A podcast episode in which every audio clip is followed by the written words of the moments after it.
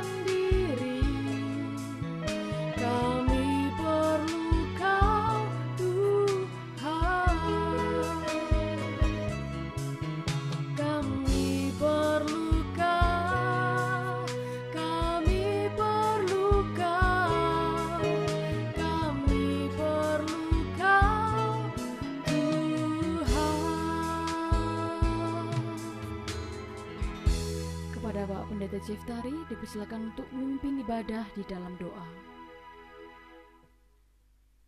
Ya, jemaat Tuhan yang terkasih di hari ini, hari Tuhan, hari Minggu, di mana Tuhan menyediakan banyak uh, perkara-perkara uh, Tuhan untuk kita di dunia ini. Maka hari ini kita sungguh sangat bersuka cita dan bersyukur dari ratnya. Itulah sebabnya kita datang untuk berdoa, beribadah kepada Dia, memuji menyembah Dia. Mari kita menyiapkan hati kita untuk masuk dalam ibadah ini. Ya Allah, kami Bapa di surga, dalam Yesus Kristus Tuhan, namamu agung mulia, kami puji sembah dan masyurkan Engkau Tuhan Allah yang kekal, Allah yang hidup, Allah yang menyertai kami sampai hari ini Kepadamu kami berserah lagi Menyanyikan pujian keagungan kepadamu menyembahmu di hari ini kami datang dalam persekutuan jemaatmu Engkau yang memanggil kami dengan panggilan kudus, panggilan ilahi untuk berkumpul memuji namamu. Maka kami datang dengan segenap hati, dengan penuh percaya bahwa hanya kepada Tuhan saja segenap hidup ini kami dapat persembahkan dan berguna bagimu. Maka ibadah kami pada awal, pertengahan, dan pada akhirnya itu terjadi dalam nama Tuhan Yesus Kristus turunlah anugerah Tuhan di tengah kami. Kami berdoa, haleluya, amin. Mari kita bangkit berdiri. Marilah kita bersama-sama memenuhi panggilannya. Menyatakan bahwa Yesus Tuhan hidup selamanya. Kita naikkan pujian bagi dia panggilan generasi.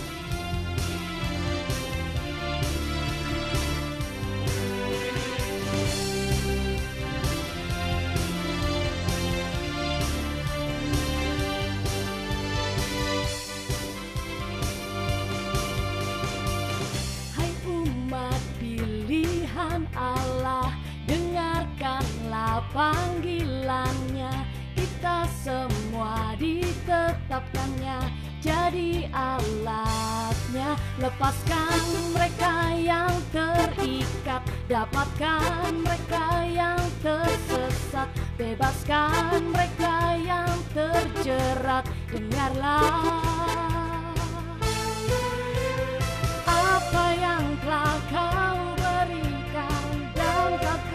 acá.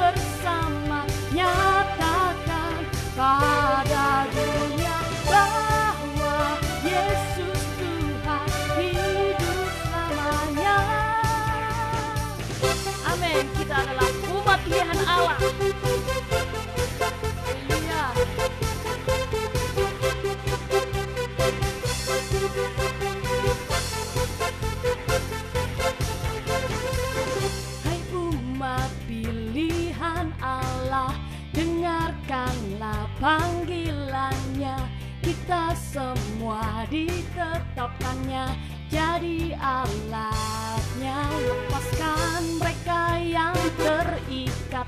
Dapatkan mereka yang tersesat. Bebaskan mereka yang terjerat. Dengarlah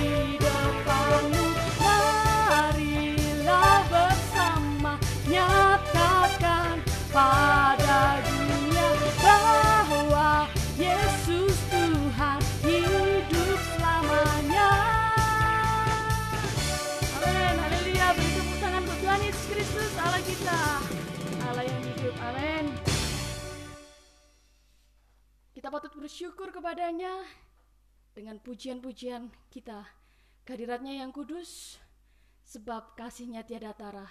Bertatalah dia Tuhan Raja kita. Dia Raja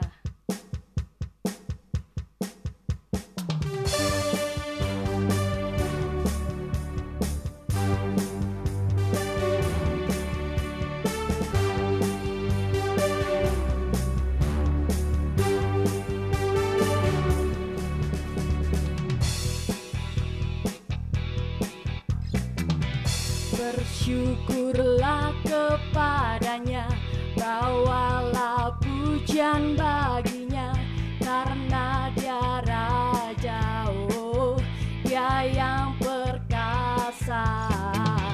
Tuhanlah kekuatanku Mazmur dan keselamatanku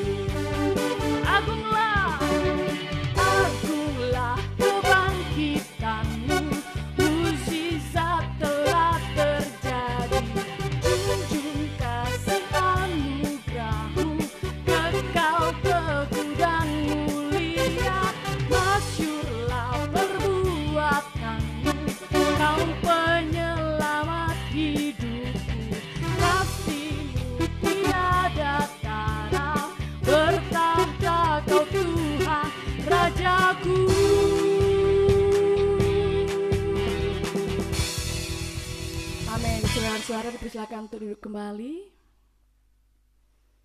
Tiba saatnya bagi saudara-saudara yang ingin memberikan kesaksian, dipersilahkan.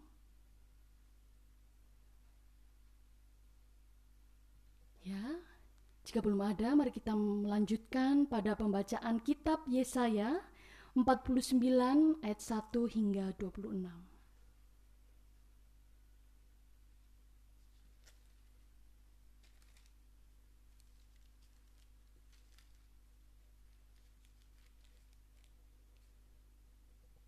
Yesaya 49 ayat 1 hingga 26 Mari kita baca bersama-sama. 1, 2, 3 Hamba Tuhan sebagai terang di tengah-tengah segala bangsa. Dengarkanlah aku hai pulau-pulau. Perhatikanlah hai bangsa-bangsa yang jauh. Tuhan telah memanggil aku sejak dari kandungan Telah menyebut namaku sejak dari perut ibuku ia telah membuat mulutku sebagai pedang yang tajam dan membuat aku berlindung dalam naungan tangannya. Ia telah membuat aku menjadi anak panah yang runcing dan menyembunyikan aku dalam tabung panahnya. Ia berfirman kepadaku, Engkau adalah hambaku Israel, dan olehmu aku akan menyatakan keagunganku.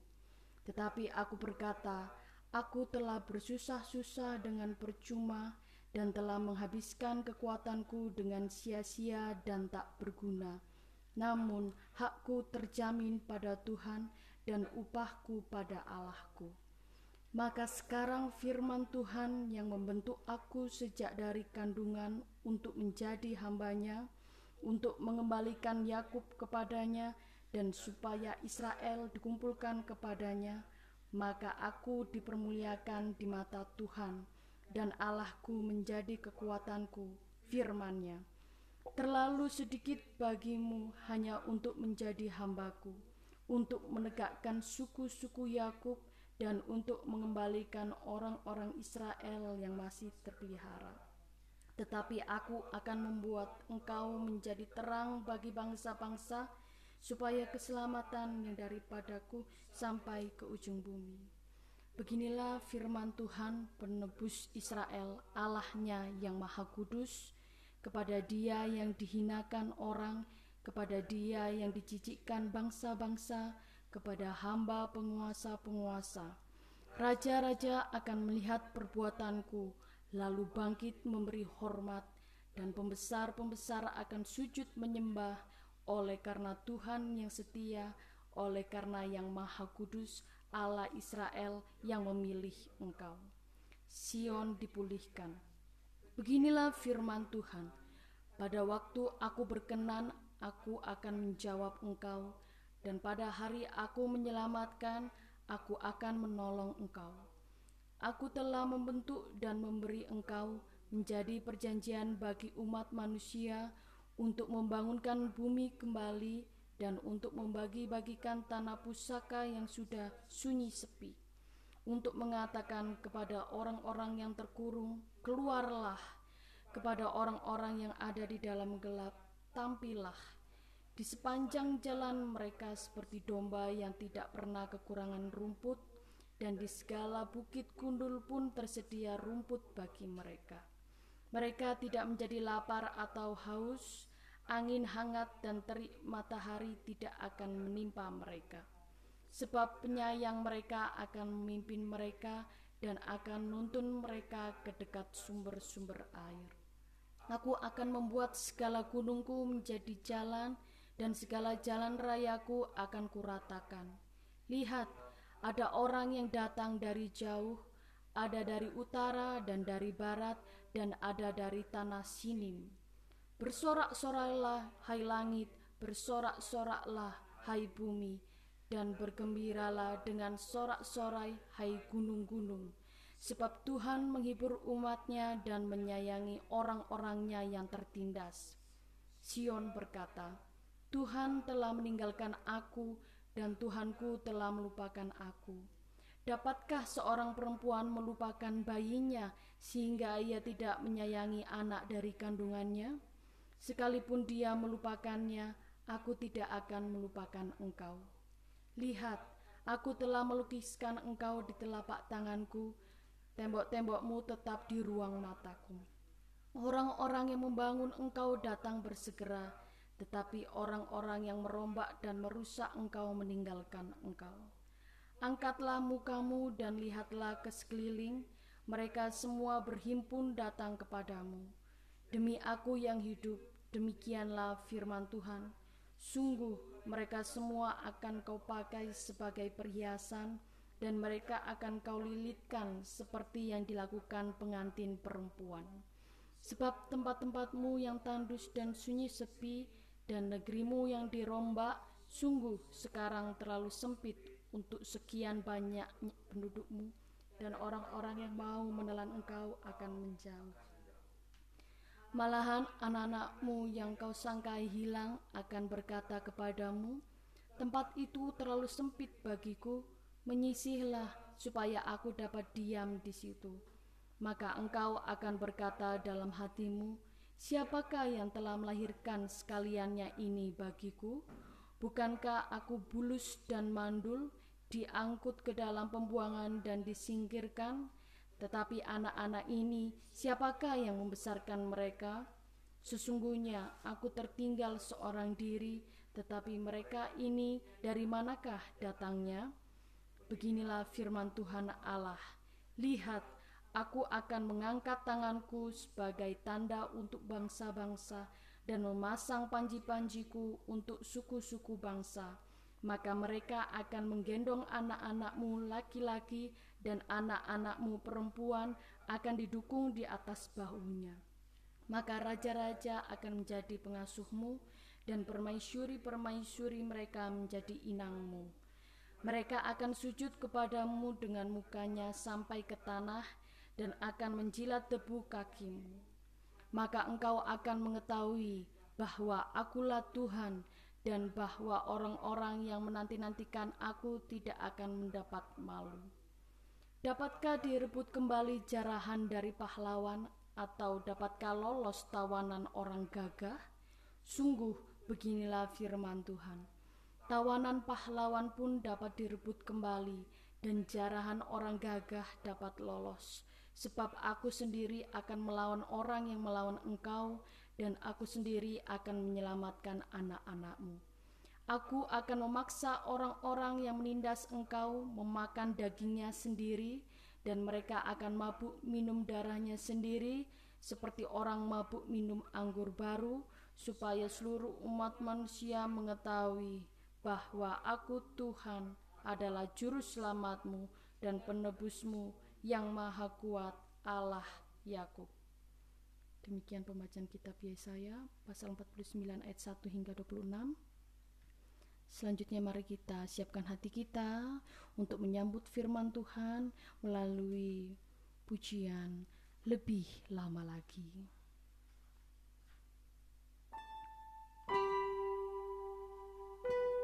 Rinduan kami bersamamu Tuhan, seumur hidup kami. Kau dapati kami tetap setia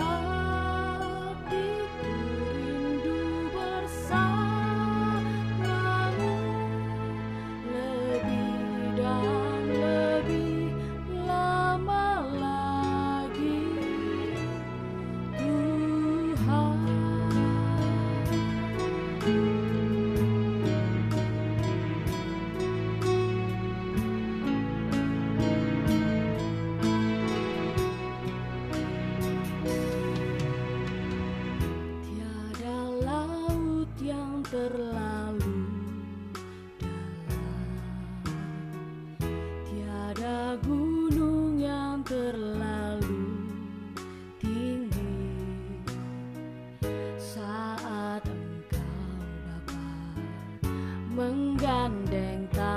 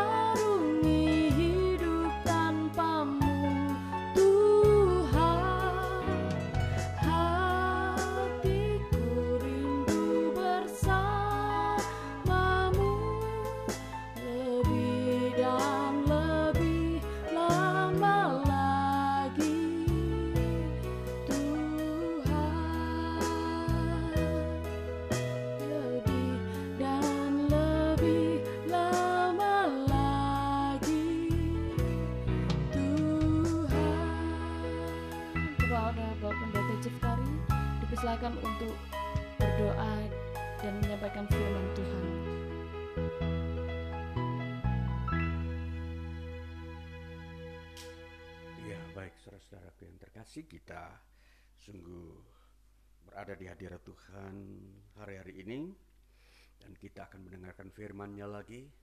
Baik mari kita dengan segenap hati kerinduan jiwa kita menghampiri hadirat Tuhan, mendengarkan suara firman-Nya supaya kita semakin berbahagia, berkenan menerima berkat-berkat Tuhan yang Dia sediakan bagi kita. Mari kita berdoa.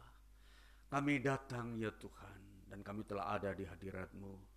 Engkau Tuhan yang penuh kasih, karunia yang tiada habis-habisnya, yang selalu memenuhi hidup kami, memperlengkapi kami, sehingga sampai hari ini kami ada di hadirat-Mu. Dan biarlah kuasa firman-Mu akan menguatkan lagi, membangkitkan kami dengan semangat dari surga untuk menjalani kehidupan di hari-hari ini dengan segala kuasa dari Tuhan sendiri, mujizat-mujizat Tuhan yang menopang hidup kami, yang membela hidup kami, sehingga kami dapat menikmati kehidupan ini dengan penuh kepastian iman dalam Yesus Kristus, kami bisa menikmati berkat Tuhan hari ini.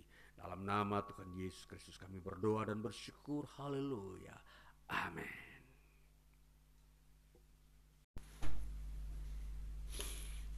Ya, saudara-saudara yang terkasih, hari ini kita tentunya membutuhkan uh, suatu uh, pegangan yang bersumber dari surga, yaitu firman Tuhan, untuk kita melihat hari ke depan, hari-hari hidup kita yang tentunya uh, kita sebagai manusia umat Tuhan uh, ingin mendapat sebuah topangan dari Tuhan untuk kita bisa uh, mengerti hari-hari ke depan.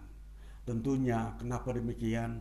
Karena kita tahu bahwa hari-hari ini atau era-era ini orang semua dikejutkan dengan berbagai-bagai peristiwa atau dengan kata lain dengan mendadak uh, mereka tiada bagaikan angin yang menghembuskan sekam. Kemarin baru kita melihat mereka uh, bisa berbicara dengan kita katakanlah mendengar informasi baik dengan dari mereka. Seminggu kemudian mereka tiada oleh karena virus corona. Saudaraku kita membutuhkan firman Tuhan yang Uh, bisa meneguhkan kita bahwa kita bukanlah uh, sekam yang ditiupkan angin. Kita bukanlah rumput kering yang hari ini ada dan besok layu. Tetapi kita adalah orang-orang yang ditetapkan Tuhan untuk mewarisi negeri. Mewarisi negeri, menikmati hasil-hasil yang Tuhan sediakan. Maka uh, dari hal ini mari kita membaca atau membuka dari Injil Matius. Kita membuka Injil Matius pasal yang ke-8. Ayatnya yang ke-23 hingga ayatnya yang ke-27. Bunyinya bunyi firman Tuhan demikian. Angin ribut diredakan Lalu Yesus naik ke dalam perahu dan murid-muridnya pun mengikutinya. Sekonyong-konyong mengamuklah angin ribut di danau itu, sehingga perahu itu ditimbus gelombang. Tetapi Yesus tidur. Maka datanglah murid-muridnya membangunkan dia. Katanya, Tuhan, tolonglah kita binasa. Ia berkata kepada mereka, Mengapa kamu takut kamu yang kurang percaya. Lalu bangunlah Yesus menghardik angin dan danau itu, maka danau itu menjadi teduh sekali. Dan heranlah orang-orang itu katanya, orang apakah dia ini sehingga angin dan danau pun taat kepadanya? Saudara yang terkasih dalam Tuhan, kita perlu sering mendengar atau melihat kuasa Tuhan, mujizat Tuhan tentunya di dalam Yesus Kristus. Kita harus lebih peka, lebih percaya akan kuasa Tuhan Yesus di dalam memberi hidup kepada manusia. Maka saudara-saudara, kalau kita melihat dari Injil Matius pasal 8 ini yang mengungkapkan tentang bagaimana Yesus mampu melepaskan murid-muridnya dari maut, dari amukan angin badai ketika mereka sedang ada dalam sebuah uh, pelayaran uh, kecil dalam sebuah perjalanan menyeberangi danau uh, Galilea yang ada di dalam uh, atau ada di sekitar uh, perjalanan pelayanan mereka. Nah, kita mau memperhatikan di sini ada unsur yang harus kita ketahui bahwa di mana Yesus ada, di mana Yesus uh, pergi pelayanan, di situ tidak pernah ada suatu keadaan yang disebut selalu uh, tenang atau uh, uh, tidak ada hambatan. Maka kita harus mengerti ini sesuatu yang uh, kita harus terima dan angkat di dalam kehidupan iman kita. Pengetahuan iman Kristen kita. Jadi di sinilah kita mau memperhatikan bahwa tema firman Tuhan kita adalah iman Kristen mengatasi kesulitan di dunia ini. Saudaraku, mengapa iman Kristen dapat mengatasi kesulitan di dunia ini? Kita harus perhatikan bahwa iman kita bukan bersandar kepada pribadi-pribadi yang lemah. Bukan bersandar kepada pengetahuan-pengetahuan manusia. Iman Kristen bukan bersandar juga kepada seorang yang bernama manusia yang uh, memiliki pengalaman-pengalaman hidup. Tetapi iman Kristen itu dibangun di atas dasar kepribadian Allah sendiri yaitu di dalam Tuhan Yesus Kristus. Ini yang kita harus uh, ketahui terlebih dahulu. Jadi setiap orang di muka bumi yang memiliki iman kepada Yesus Kristus, dia harus uh, sadar dan harus mengerti bahwa imannya itu dibangun di atas satu pribadi yang namanya Yesus Kristus yang adalah pribadi yang datang dari surga ke bumi. Itu yang pertama. Nah, jadi kalau kita mau melihat kesaksian eh, kehadiran Yesus di muka bumi, kesaksian Yesus Kristus dalam menyatakan kebenaran-kebenaran surgawi, kebenaran-kebenaran Allah, di situ dia pun menyatakan kuasa Allah di dalam perkataannya. Nah, jadi antara pengajaran dan perkataannya ini mempunyai satu sumber yang datang dari Allah.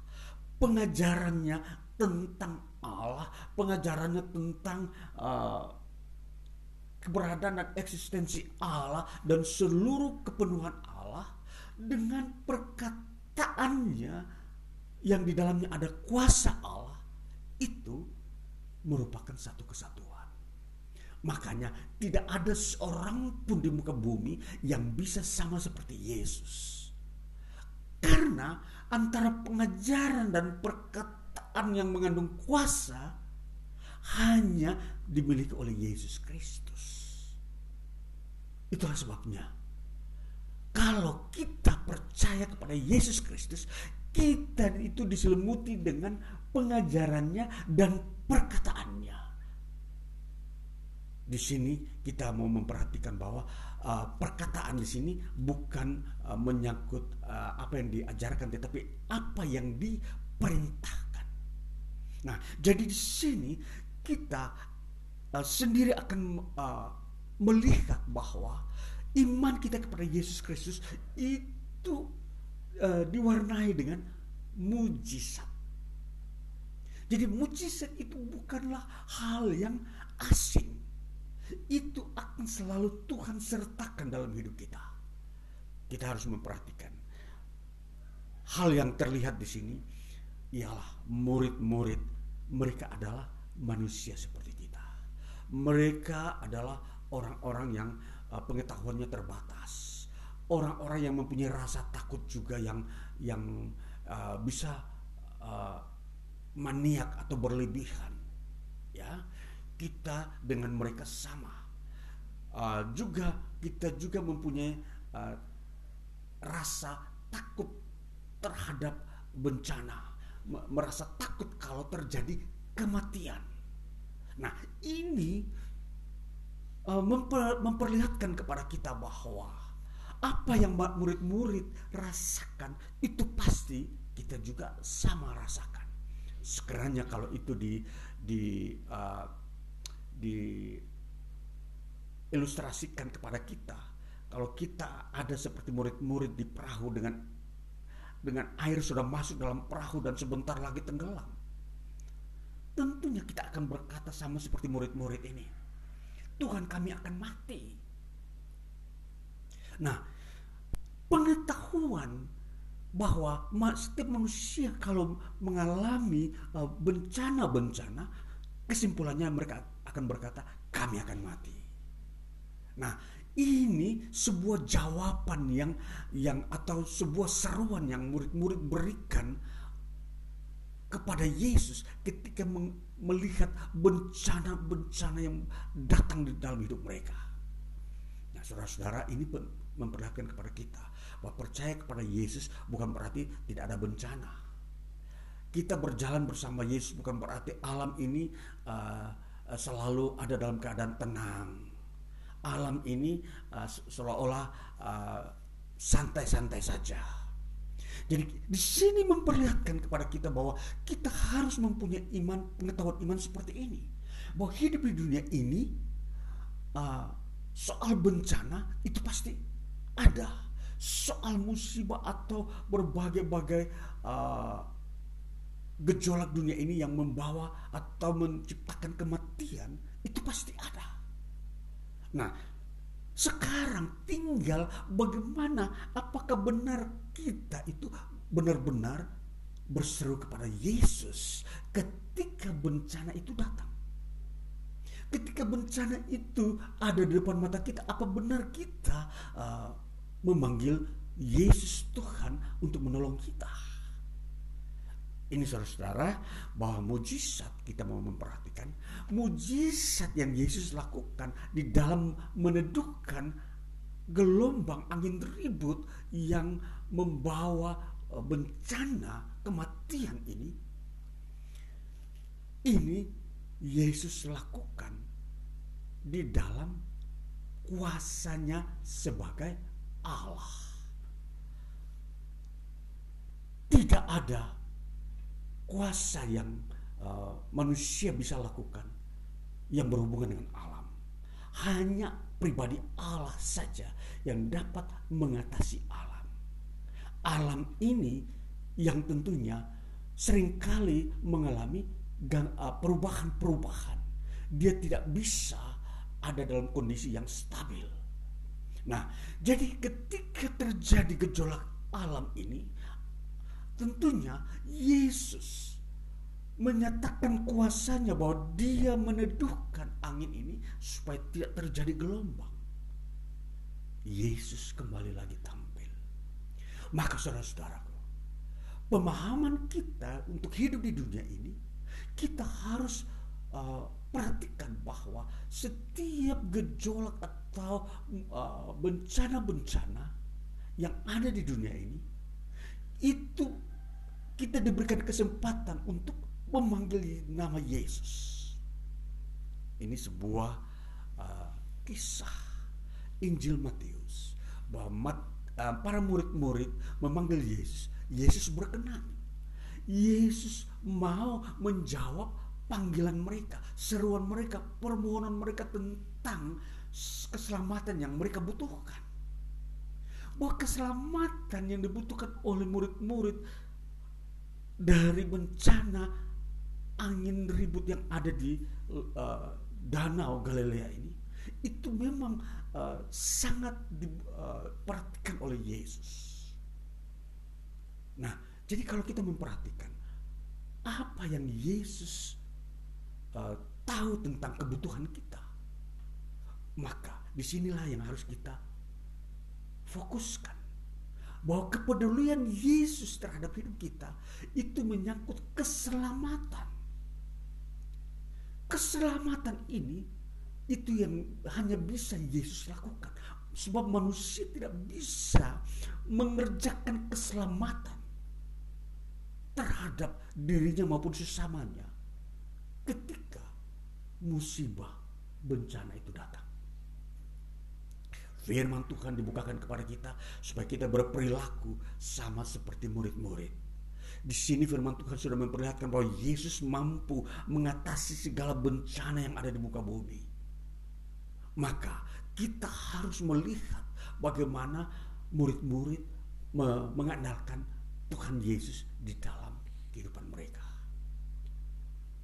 Jadi mereka tidak berdiam diri. Kalau mereka berseru Yesus kami akan mati itu, bukan berarti bahwa itu imannya lemah. Itu pertanda bahwa mereka memang sangat membutuhkan Yesus. Walaupun Yesus berkata, di mana imanmu? Kenapa kamu khawatir atau takut? Ya memang itu realita.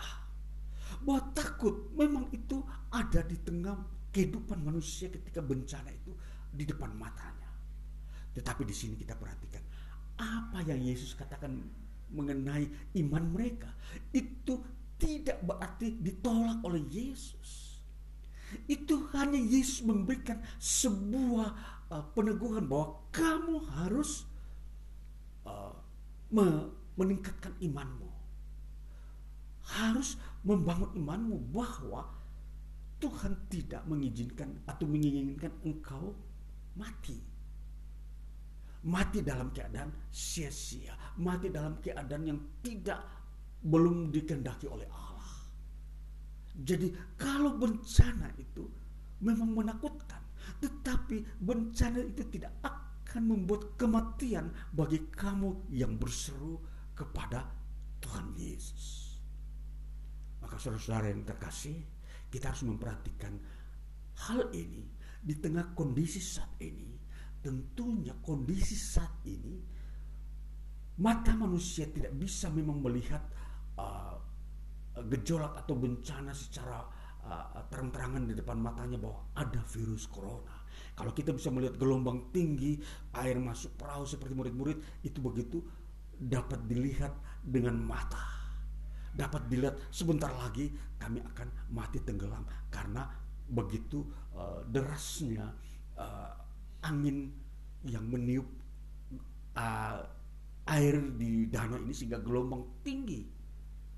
Nah, jadi kalau di situ mereka dapat mengukur kita di era ini kita tidak bisa melihat ke mana letaknya virus corona atau ke mana dia sedang uh, be, uh, apa namanya uh, bekerja tetapi dari sisi-sisi yang kita bisa uh, tahu bahwa di sekitar kita sudah banyak orang yang terjangkit dan banyak yang meninggal. Dan terlebih juga kita melihat masih ada orang yang uh, begitu uh, menderita setelah dia mengalami virus corona atau di uh, di uh, infeksi oleh virus corona ini. Dan banyak orang bersaksi bahwa ketika mereka uh, terjangkit virus corona, mereka mengalami kesukaran, sukar bernapas, tidak bisa makan ber berhari-hari. Itu sebuah penderitaan. Tetapi kalau mereka bisa sembuh, itu pertanda juga kemurahan Tuhan untuk mereka supaya bisa hidup. Tapi kita mau memperhatikan saudara-saudara. Ini kita sudah harus tahu bahwa ini bencana ini ada di depan mata kita. Mari kita berseru kepada Tuhan Yesus. Kita diizinkan Tuhan. Tuhan mau mendengar seruan-seruan kita. Tuhan tahu bahwa kita juga terbatas di dalam uh, memahami uh, bencana-bencana uh, ini. Tetapi yang penting bahwa kita harus berdoa itu adalah hal yang dikehendaki oleh Allah kita harus berseru. Berseru bukan uh, pertanda bahwa kita takut.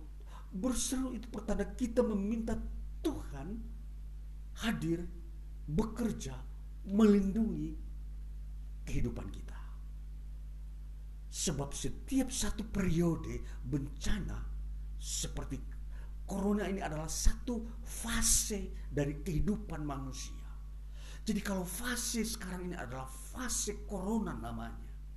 Bahwa ini adalah memang uh, menjadi bagian daripada sejarah hidup manusia bahwa corona telah uh, menakut-nakuti manusia. Virus corona ini telah membuat manusia menjadi gelisah dan menjadi tidak seimbang dalam kehidupannya.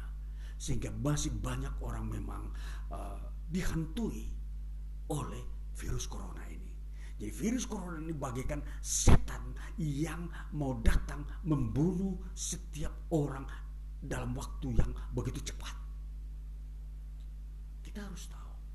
Jadi kalau virus corona ini bagaikan kilat yang menyambar dari barat ke timur dengan begitu cepat, maka Yesus lebih cepat menghentikan angin ribut. Tidak ada dalam hitungan menit. Hari ini waktu waktu Yesus berkata, "Tenanglah hai angin ribut." Dalam detikan detik itu pun tenanglah. Kalau kilat menyambar dari timur ke barat, itu masih uh, membutuhkan beberapa waktu. Kurang lebih bisa 10 detik. Tetapi kalau Yesus berkata tenanglah angin ribut dalam satu detik itu pun tenang. Maka lebih cepat Yesus uh, menenangkan bencana daripada iblis mendatangkan kematian. Jadi Yesus lebih cepat, cepat memberikan kehidupan daripada iblis menghadirkan kematian. Ini kita harus memperhatikan, mengukur hal-hal ini. Sehingga kalau kita berseru kepada Yesus Kristus, sekalipun dalam waktu detik tidak lama, uh, virus corona sudah dekat kita, kita lebih dulu diselamatkan. Karena kecepatan kuasa Allah itu mujizat ini kalau kita memperhatikannya jauh lebih cepat. Maka kita diberikan sebuah kepercayaan, sebuah pengetahuan tentang kuasa Allah. Maka Yesus berkata, janganlah kamu takut, janganlah kamu khawatir. Maka di sini kita belajar bahwa kehidupan itu bersumber dari Allah, dari Yesus Kristus. Maka ini hal yang penting. Kehidupan itu hal yang penting. Maka ketika kita beriman kepada Yesus Kristus, di situ iman Kristen lebih tinggi daripada kesulitan mengenai kehidupan di dunia ini. Maka kalau kita memperhatikan kehidupan ini maka kehidupan ini itu adalah milik Kristus. Bersumber dari Allah. Maka masa di mana kita memasuki kehidupan itu adalah masa kita memasuki kehendak Allah. Kehendak Allah itu menyangkut kehidupan. Jadi kalau ada yang mau mengambil, kehidupan, katakanlah itu dari kuasa kegelapan, maka Tuhan bisa menghardik kuasa kegelapan yang mau mengambil hidup itu. Jadi hidup kita orang-orang yang memuliakan Allah, percayalah Tuhan memberi kehidupan bagimu di tengah uh, gejolak-gejolak uh, dunia. Kalau dunia sedang bergelora, virus corona memberikan sebuah gelombang-gelombang pergantian setelah uh, Eh, dari mulai uh, virus biasa sampai kepada varian-varian ini bagaikan gelombang yang semakin besar. Kalau semula orang uh, terkena virus corona dia masih bisa sembuh. Sekarang ketika kena virus corona orang sukar mengalami kesembuhan. Itu berarti gelombangnya lebih besar. Di mana kita mau menempatkan Tuhan Yesus? Ini saat gelombang ini, gelombang uh, uh, kematian yang akan semakin ganas. Ini perlu kita berseru kepada Tuhan Yesus. Perlu saya sampaikan kepada kita yang mendengarkan firman Tuhan ini lewat YouTube ini supaya harus berseru di mana pun engkau berada supaya engkau memanggil nama Yesus kalau engkau ingin selamat karena hidup ini keselamatan ini adalah hak prerogatif Allah Allah memberikan kepadamu kalau engkau berseru sama seperti murid-murid Tuhan Yesus, Yesus tolonglah kami, kami hampir mati. Maka Yesus akan peduli dengan suara tentang kematian. Dia sumber hidup. Dia begitu peka kalau engkau berseru tentang kehidupan. Karena kehidupan itu bersentuhan dengan pribadi Allah. Jadi kalau kita tahu makna hidup, itu hidup adalah milik Allah. Itu harus Uh, kembali kepada pemiliknya yaitu Tuhan Yesus Kristus. Tuhan, kami hampir mati. Maka Tuhan yang sumber hidup itu akan membalikkan yang hampir mati menjadi hidup. Ya, ini harus kita perhatikan. Tuhan Yesus sumber hidup. Jadi kalau uh, gejolak-gejolak di alam ini yang mendatangkan kematian, tidak ada tempat lain untuk kita mendapatkan hidup. Datanglah kepada Tuhan Yesus. Ini tempatnya. Kamu diberikan kesempatan untuk berseru. Memanggil nama Yesus. Ini manusia harus diberikan kesempatan memanggil nama Yesus. Sebab tidak ada nama lain yang bisa uh, uh, manusia memperoleh keselamatan dan hidup. Hanya nama Yesus. Perhatikan ini. Ini firman Tuhan saya sampaikan. Saya sampaikan di tengah-tengah gejolak manusia semakin hari semakin cepat menemui kematian. Maka saudara, saya sampaikan berita firman Tuhan ini supaya saudara-saudara mengambil sikap seperti apa yang murid-murid lakukan. Panggil dan serukan nama Yesus. Yesus segera bangkit dari ketidurannya. Yesus yang uh, engkau biarkan selama ini tidak pernah bekerja. Sekarang panggillah Yesus untuk bangkit, untuk bangun dari tidurnya. Sebab Yesus sedang tidur dalam perjalanan pelayaran saat itu. Dan kondisi saat ini, kalau Anda tidak pernah memanggil nama Yesus, maka Anda akan menghadapi gejolak ini secara sendiri tanpa melibatkan Yesus. Maka betapa lemahnya Anda ketika menghadapi virus corona ini. Saudara-saudara, maka ini firman Tuhan yang harus kita perhatikan. Andalkanlah kuasa Tuhan Yesus. Semua apa yang dimiliki manusia, semua terbatas. Apa yang telah dilakukan manusia sampai saat ini, itu pun tidak memberikan satu pun peningkatan kualitas hidup terhadap virus corona. Maka sekarang panggil nama Yesus. Panggillah. Ini saatnya Anda memanggil nama Yesus anda akan mendapat kelepasan, mendapat kesembuhan-kesembuhan. Percayalah, firman Tuhan, maka Tuhan akan menolongmu. Tuhan Yesus memberkati kita semua hari ini, maka hari ini adalah berita firman untuk kita memasuki hari besok. Tuhan Yesus memberkati, terpujilah namanya. Haleluya. Amin. Mari kita masuk di dalam doa syafaat kita maka kita akan memasuki hari besok dengan kuasa dari Tuhan Yesus Kristus karena firman Tuhan telah me memberikan arahan kepada kita untuk memanggil nama Tuhan Yesus dalam hidup kita menghadapi gejolak-gejolak yang ada di dunia ini yang uh, dikerjakan oleh virus corona. Mari kita berdoa. Bapa kami di surga, terpujilah namamu. Firmanmu telah kami terima dan dengar bahwa Yesus Kristus datang ke dunia untuk uh, meniadakan segala gejolak-gejolak yang menghantui, yang membinasakan hidup manusia. Di dalam Injil Matius pasal 8 ini sungguh kami bersyukur karena Kristus Yesus dapat menghardik angin ribut yang dapat membawa kematian kepada murid-murid Tuhan Yesus. Ketika mereka ada dalam sebuah pelayaran maka kami bersyukur suatu kuasa Tuhan yang Tuhan nyatakan melalui firman-Mu. Engkau jauh lebih cepat mengerjakan pemulihan dan memberikan kehidupan daripada kematian itu sendiri. Maka kami melihat kondisi hidup saat ini betapa banyak orang telah begitu uh, uh, mengalami kematian dengan begitu cepat. Baru tiga hari mengidap sebuah penyakit virus corona mereka langsung tidak ada dan tidak bisa tertolong. Maka ini adalah sebuah angin ribut yang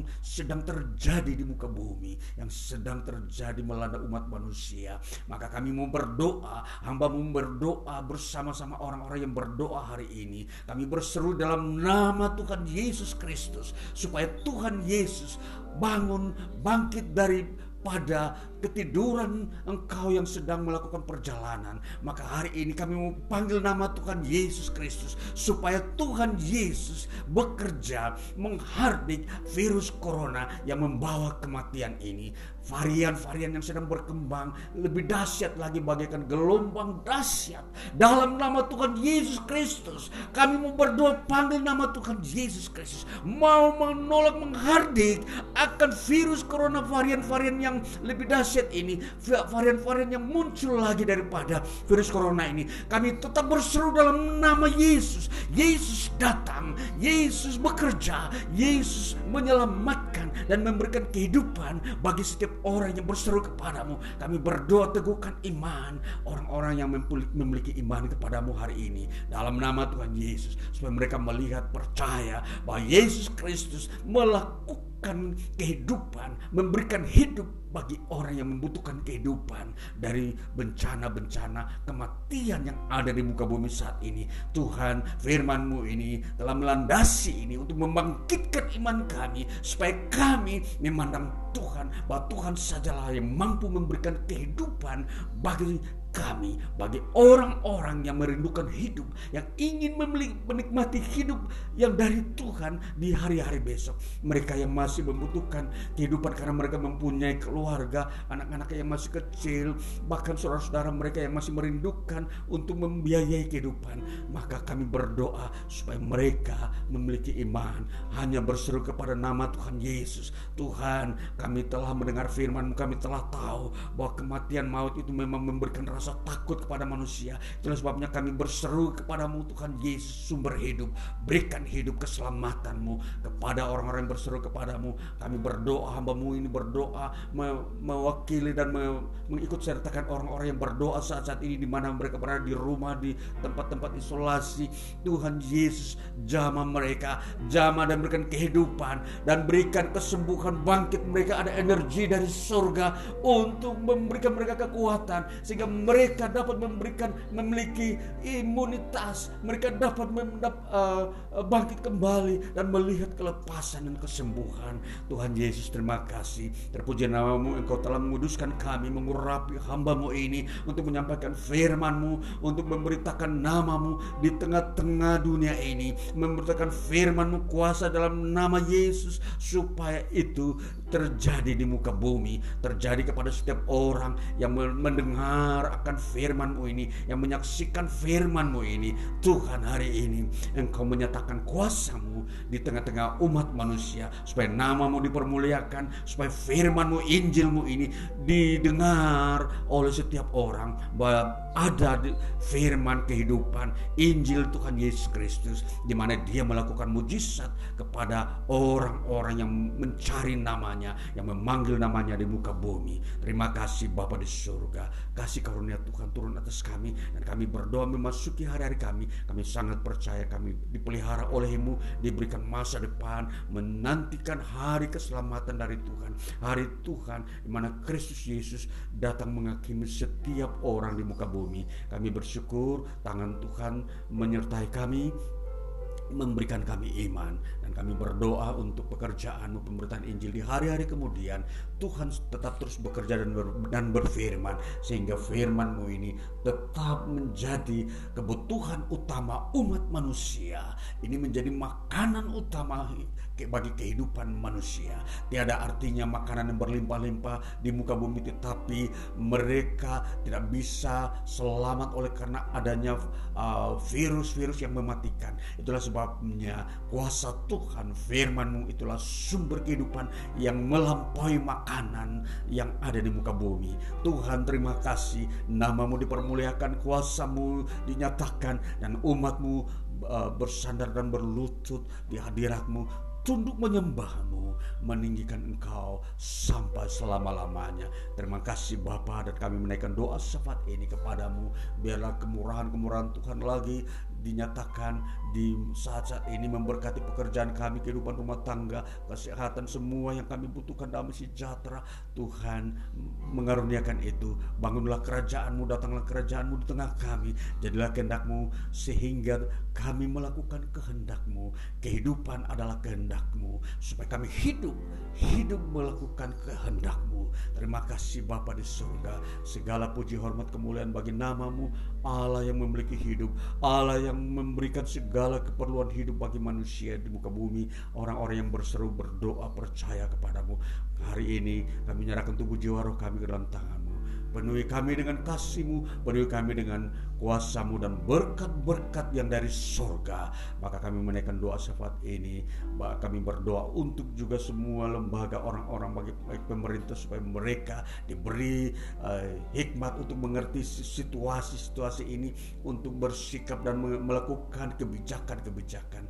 Maka ke, semua ini kami serahkan ke dalam tangan Tuhan supaya namamu dipermuliakan, kerajaan Tuhan ada di tengah dunia ini. Dalam nama Tuhan Yesus Kristus dan kami berdoa sesuai, dengan apa yang Tuhan ajarkan kepada kami.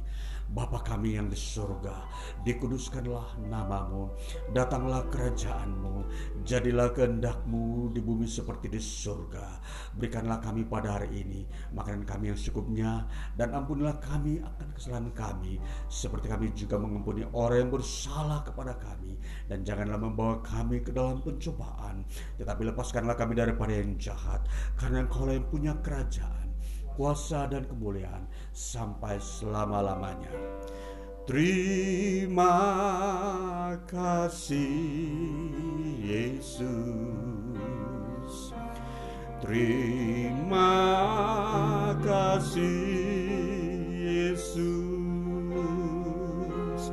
Puji syukur hanya bagimu ya Allahku Ya Tuhanku terima kasih Yesus. Terima kasih Yesus. Puji syukur hanya bagimu. Terima kasih. Yesus Bapak terima kasih untuk kasih anugerah dan kuasa yang kami terima daripadamu dalam nama Tuhan Yesus Kristus. Kami berdoa dan bersyukur. Amin. Haleluya